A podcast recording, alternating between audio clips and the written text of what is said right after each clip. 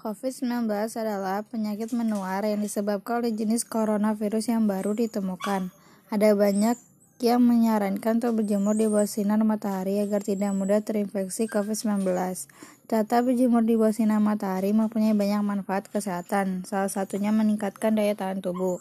Paparan sinar matahari membantu tubuh memproduksi vitamin D secara alami. Vitamin D diketahui sangat penting untuk kesehatan.